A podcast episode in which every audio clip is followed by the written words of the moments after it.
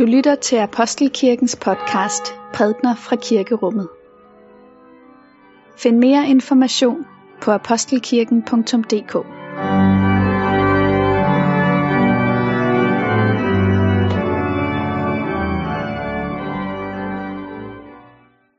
Godmorgen og velmødt til gudstjeneste den 13. søndag efter Trinitatis.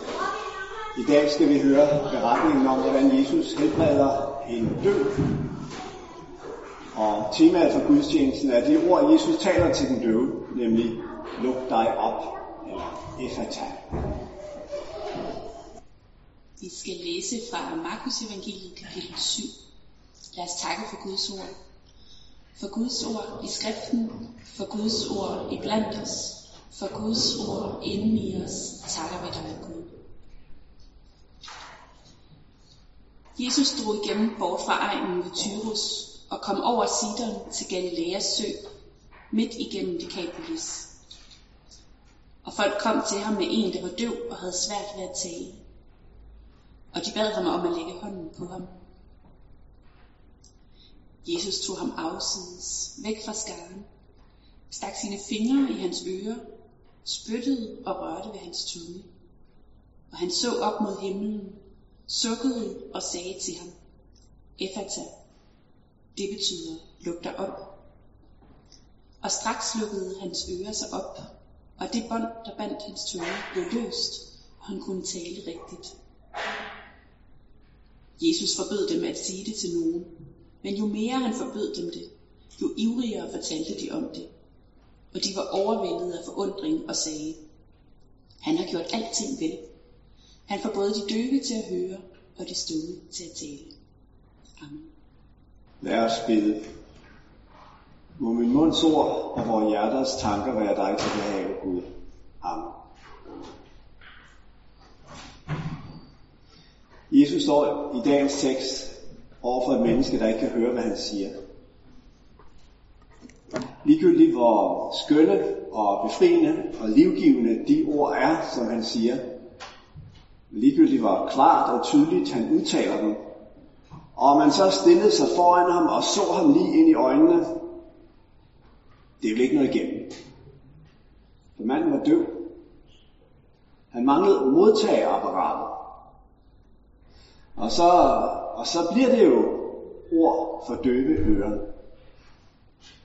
Der er ingen passage fra munden til øret, fra afsenderen til modsageren. De kommer til at stå lige så adskilte, lige så isoleret over for hinanden før som efter talen. Det er situationen i dagens tekst, da folk bringer et menneske til Jesus, som er døvt og som har svært ved at tale. Og den anden ting her, at han har svært ved at tale, det følger jo af det første. For hvis man ikke kan høre, hvad der bliver sagt til en, så er man jo heller ikke i stand til at indgå i samtale. Hele den øh, udveksling mellem mennesker, som sproget bærer, er man afskåret for. Og selvom man kan sige nogle lyde, og selvom de lyde kan formes, så det bliver forståelige ord, ja, samtale bliver det ikke, hvis man ikke er i stand til at høre.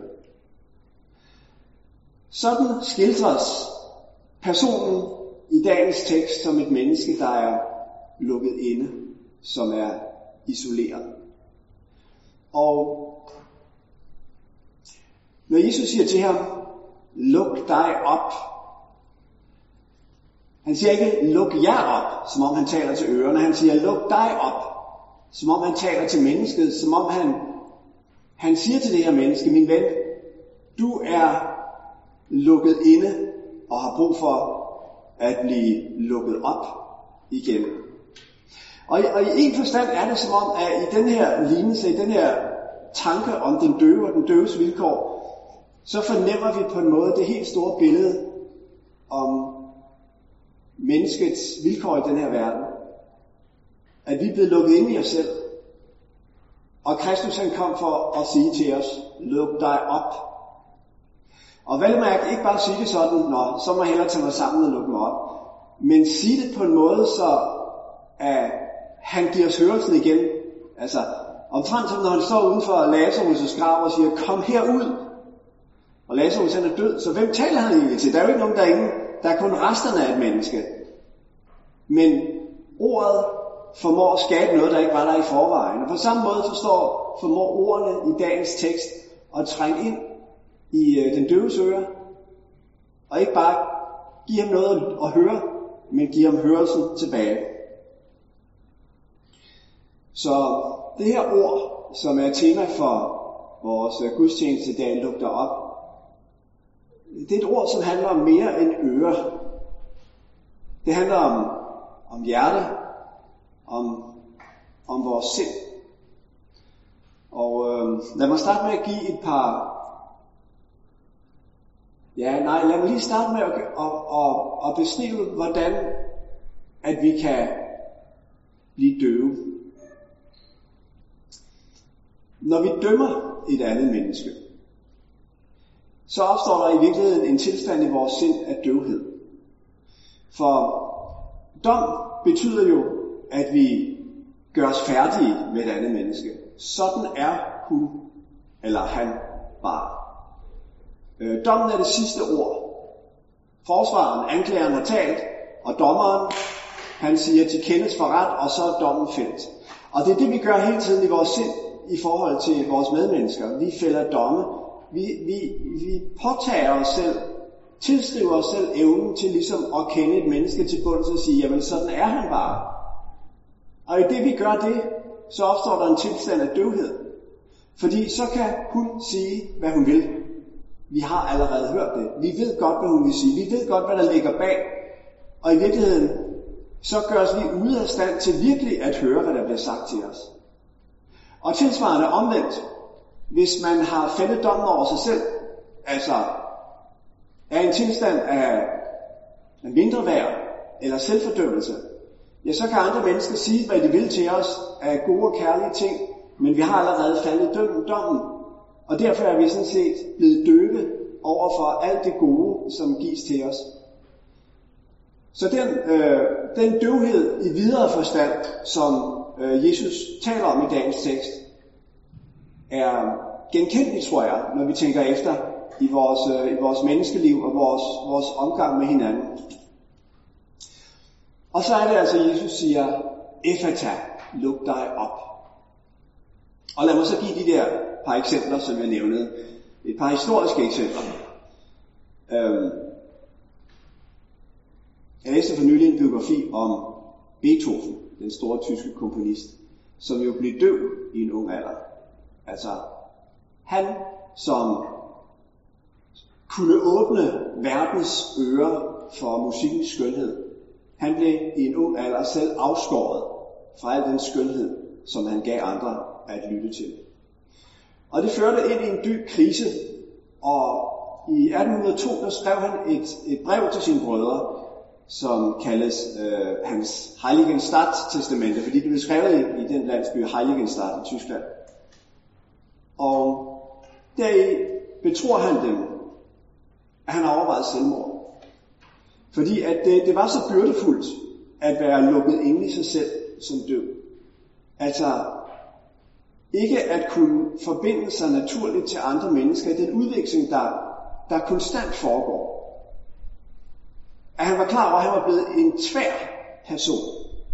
Utilnærmelig, sur, vredladet. Og han var ked af det, fordi det var egentlig ikke sådan, han ville være. Han ville gerne række ud til mennesker. Men, øh, men ingen helbredelse synes mulig, og det var hans skæbne, og derfor havde han overvejet, om, om, om det ikke var tid til, at han selv afsluttede alt det her, og tog sit eget liv. Men så er det, han skriver, fremhævet øh, med fed skrift. Det jeg skal lære er tålmodighed. Jeg må vente til væveren selv bryder tråden.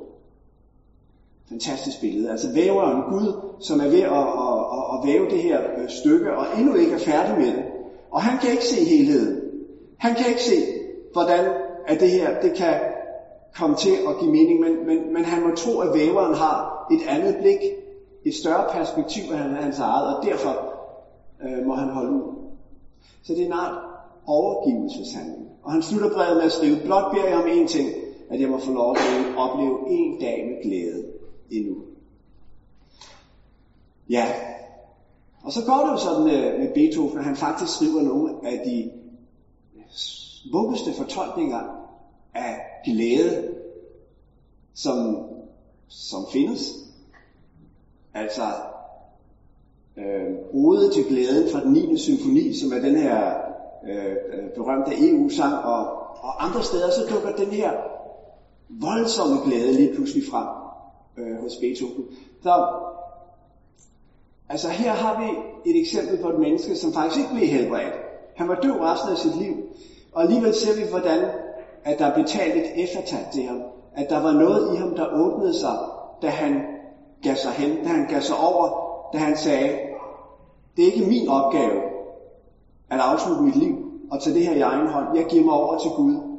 I det han gjorde det, ja, så, øh, så lød der et, et luk dig op ind over hans liv.